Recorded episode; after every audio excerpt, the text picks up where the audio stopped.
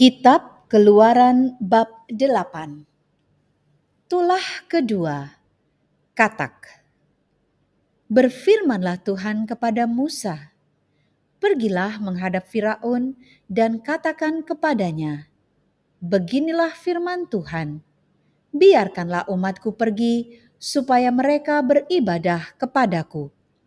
Jika engkau menolak membiarkannya pergi, maka aku akan menulahi seluruh daerahmu dengan katak. Katak-katak akan mengeriap dalam sungai Nil, lalu naik dan masuk ke dalam istanamu dan kamar tidurmu. Ya, sampai ke dalam tempat tidurmu, ke dalam rumah pegawai-pegawaimu dan rakyatmu bahkan ke dalam pembakaran rotimu, serta ke dalam tempat adonanmu. Katak-katak itu akan naik memanjati engkau, memanjati rakyatmu dan segala pegawaimu. Berfirmanlah Tuhan kepada Musa, Katakanlah kepada Harun, ulurkanlah tanganmu dengan tongkatmu ke atas sungai, ke atas selokan dan ke atas kolam dan buatlah katak-katak bermunculan meliputi tanah Mesir. Lalu Harun mengulurkan tangannya ke atas segala air di Mesir. Maka bermunculanlah katak-katak, lalu menutupi tanah Mesir. Tetapi para ahli itu pun membuat yang demikian juga dengan ilmu-ilmu mantra mereka, sehingga mereka membuat katak-katak bermunculan meliputi tanah Mesir. Kemudian Firaun memanggil Musa dan Harun serta berkata, "Berdoalah kepada Tuhan supaya dijauhkannya kata-kata itu daripadaku dan daripada rakyatku, maka aku akan membiarkan bangsa itu pergi, supaya mereka mempersembahkan korban kepada Tuhan." Kata Musa kepada Firaun, "Silakanlah tuanku katakan kepadaku, bila aku akan berdoa untukmu, untuk pegawaimu dan rakyatmu, supaya kata-kata itu dilenyapkan daripadamu dan dari rumah-rumahmu, dan hanya tinggal di sungai Nil saja." Katanya, "Besok." Lalu kata Musa, jadilah seperti katamu itu, supaya tuanku mengetahui bahwa tidak ada yang seperti Tuhan Allah kami. Maka kata-kata itu akan dijauhkan daripadamu, dari rumah-rumahmu, dari pegawai-pegawaimu, dan dari rakyatmu, dan hanya akan tinggal di sungai Nil saja. Lalu Musa dan Harun keluar meninggalkan Firaun. Dan Musa berseru kepada Tuhan karena kata-kata yang didatangkannya kepada Firaun. Dan Tuhan melakukan seperti yang dikatakan Musa, sehingga kata-kata itu mati lenyap dari rumah, dari halaman, dan dari ladang. Dikumpulkan oranglah bangkai-bangkainya bertumpuk-tumpuk sehingga tanah itu berbau busuk. Tetapi ketika Firaun melihat bahwa telah terasa kelegaan, ia tetap berkeras hati dan tidak mau mendengarkan mereka keduanya, seperti yang telah difirmankan Tuhan. Tulah ketiga, nyamuk. Berfirmanlah Tuhan kepada Musa, Katakanlah kepada Harun, ulurkanlah tongkatmu dan pukulkanlah itu ke debu tanah.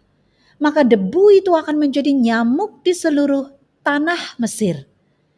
Lalu mereka berbuat demikian. Harun mengulurkan tangannya dengan tongkatnya dan memukulkannya ke debu tanah. Maka nyamuk-nyamuk itu hinggap pada manusia dan pada binatang.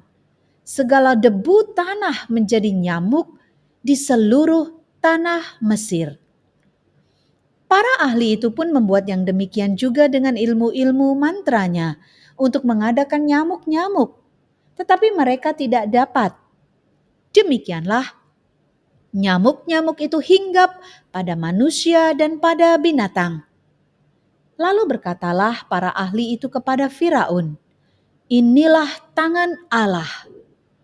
Tetapi hati Firaun berkeras, dan ia tidak mau mendengarkan mereka, seperti yang telah difirmankan Tuhan. Tulah keempat, lalat pikat. Berfirmanlah Tuhan kepada Musa, "Bangunlah pagi-pagi dan berdirilah menantikan Firaun pada waktu biasanya ia keluar ke sungai. Dan katakanlah kepadanya, Beginilah firman Tuhan, biarkanlah umatku pergi, supaya mereka beribadah kepadaku. Sebab jika engkau tidak membiarkan umatku itu pergi, maka aku akan melepaskan pikat terhadap engkau, terhadap pegawai-pegawaimu, rakyatmu, dan rumah-rumahmu.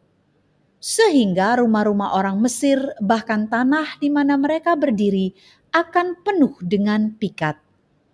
Tetapi pada hari itu aku akan mengecualikan tanah Goshen, di mana umatku tinggal, sehingga di sana tidak ada terdapat pikat supaya engkau mengetahui bahwa Aku, Tuhan, ada di negeri ini.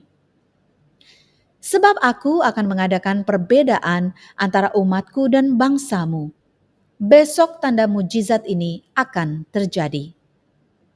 Tuhan berbuat demikian, maka datanglah banyak-banyak pikat ke dalam istana Firaun dan ke dalam rumah pegawai-pegawainya dan ke seluruh tanah Mesir negeri itu menderita karena pikat itu. Lalu Firaun memanggil Musa dan Harun serta berkata, Pergilah, persembahkanlah korban kepada Allahmu di negeri ini.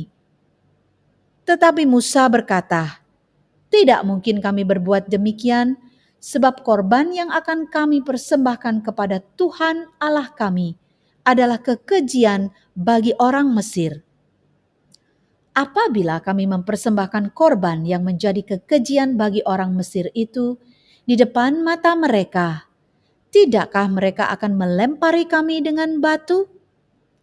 Kami harus pergi ke padang gurun tiga hari perjalanan jauhnya untuk mempersembahkan korban kepada Tuhan, Allah kami, seperti yang difirmankannya kepada kami. Lalu kata Firaun, "Baik, aku akan membiarkan kamu pergi untuk mempersembahkan korban kepada Tuhan Allahmu di padang gurun. Hanya janganlah kamu pergi terlalu jauh. Berdoalah untuk aku. Lalu kata Musa, "Sekarang aku keluar meninggalkan tuanku dan akan berdoa kepada Tuhan. Maka pikat itu akan dijauhkan besok dari Firaun." dari pegawai-pegawainya dan rakyatnya. Hanya janganlah Firaun berlaku curang lagi dengan tidak membiarkan bangsa itu pergi untuk mempersembahkan korban kepada Tuhan. Sesudah itu keluarlah Musa meninggalkan Firaun lalu berdoa kepada Tuhan. Dan Tuhan membuat seperti yang dikatakan Musa. Pikat itu dijauhkannya dari Firaun dari pegawai-pegawainya dan rakyatnya. Seekor pun tidak ada yang tinggal. Tetapi sekali ini pun Firaun tetap berkeras hati. Ia tidak membiarkan bangsa itu pergi. Demikianlah sabda Tuhan. Syukur kepada Allah.